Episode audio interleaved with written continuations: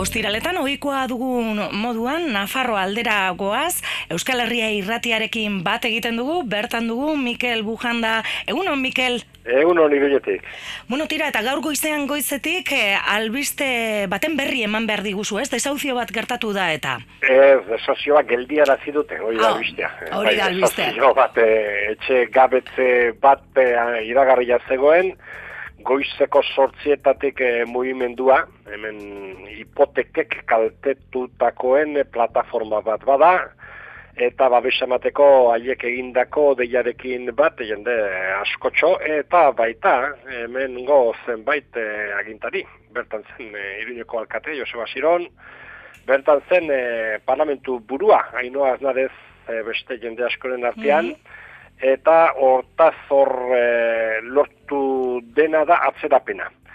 Munira izaneko anderea, hiru alabekin, arotxapeako Martzelo Zelaieta kalean nortxe bizita alde egiteko, kaleratua izateko agindua zuen, oso adirazgarria etxearen jabea bankia izatea, alegia, banku erreskatatua, guzion de diruarekin erreskatatua izan den eh, bankua, eta banku hori, hortaz, eh, kaleratu nahian behazor bizi den familia.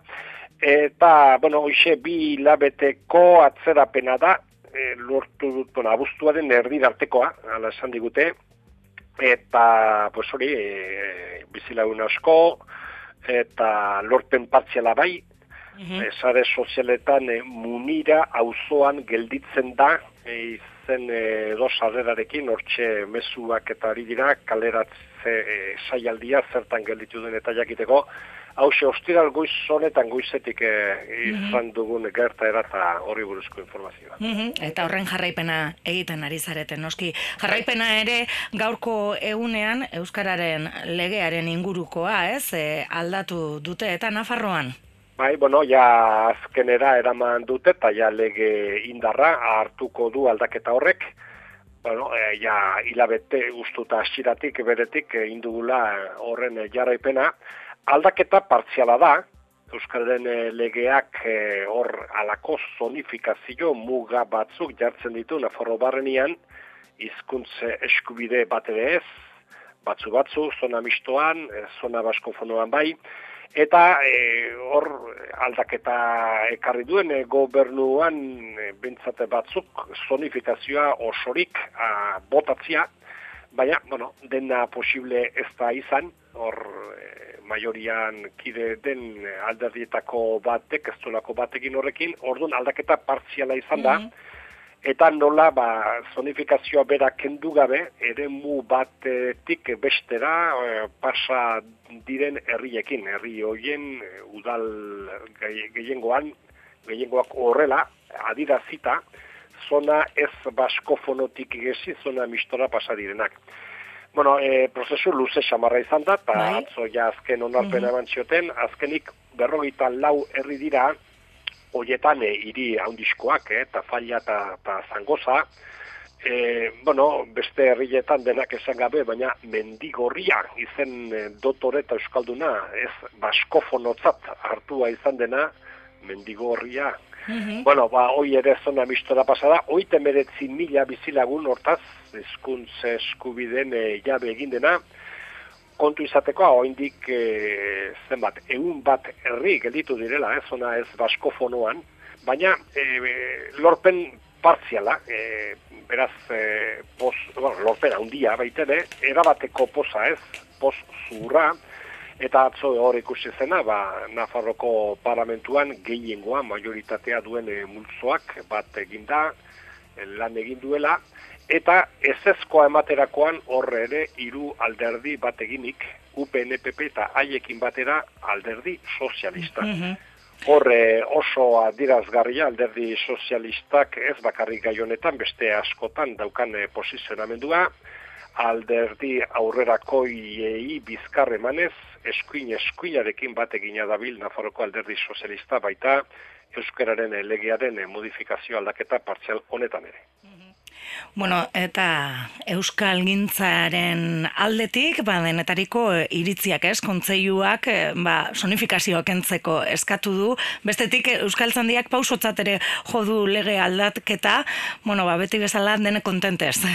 Bueno, e, nik uste denek e, bat datozela plantamendutan. Mm Bueno, hobekuntza bat da, ez e, nahi luketen e, ainakoa, baina nahi dena lortzerik ez dagoenean, e, ongi dago eta e, zurtziak eskatzen du aldena lotuta lortu behar dela zuk e, orma e, dena botatzerik ez daukazunian e, gainditzeko modua topatu behar zu gainetik azpitik edo saietxetik edo alden tokitik eta hori egin dena. Mhm. Aldakuntza partziala ez askok e, nahi luketen ainakoa, baina e, denek garrantzi zutzat jo dute aurrera pausua naiz e, haundiagokoa ere e, egitearekin amets egiten jarretu beharko den, baina interren korrelazioa den bezalakoa da, nahiak eta errealitateen konstatazioa biek bat etorri behar duten. Eta mm nik uste bai konselutik eta bai beste euskalgintzako taldetatik sortzen egetik eta beste,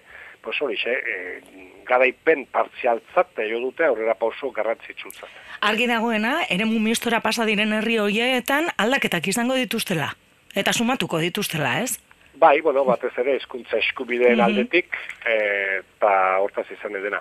E, aurrera pausua eta horre oso adirazgarria lehen esan dugu sozialistek eskuinekin bat egitea, oso adirazgarria da eskuinetik e, zer egin duten atzo argumentaziorik ez, deskalifikazioak, sektario, sektario, sektario, hogeita bosta aldiz amar minututan sektario eta sektarismo itza upeneko mm -hmm. eledunak erabilizuena, ez dute identzi, ez dute nola nahi, idensten e, Nafarroan egun dagoen e, errealidadea dagoen gehiengo parlamentarioa.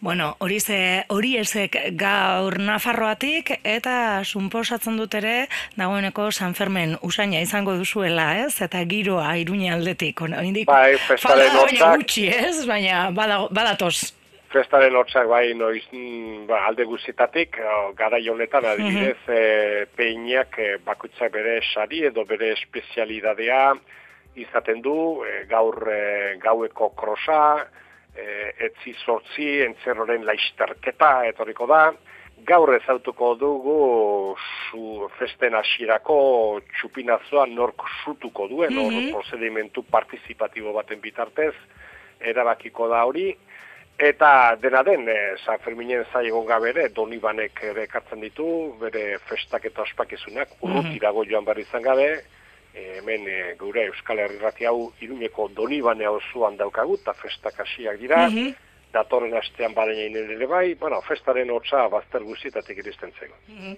Bueno, San Ferminetakoak datorren astean e, kontatuko dizkiguzu, izan ere datorren astean e, izango dugu azken kolaborazioa, eta Mikel hemen utziko dugu, ezkerrik asko beste behin, e, gurean batekin izanagaitik. Da duzuen arte. Agur bai.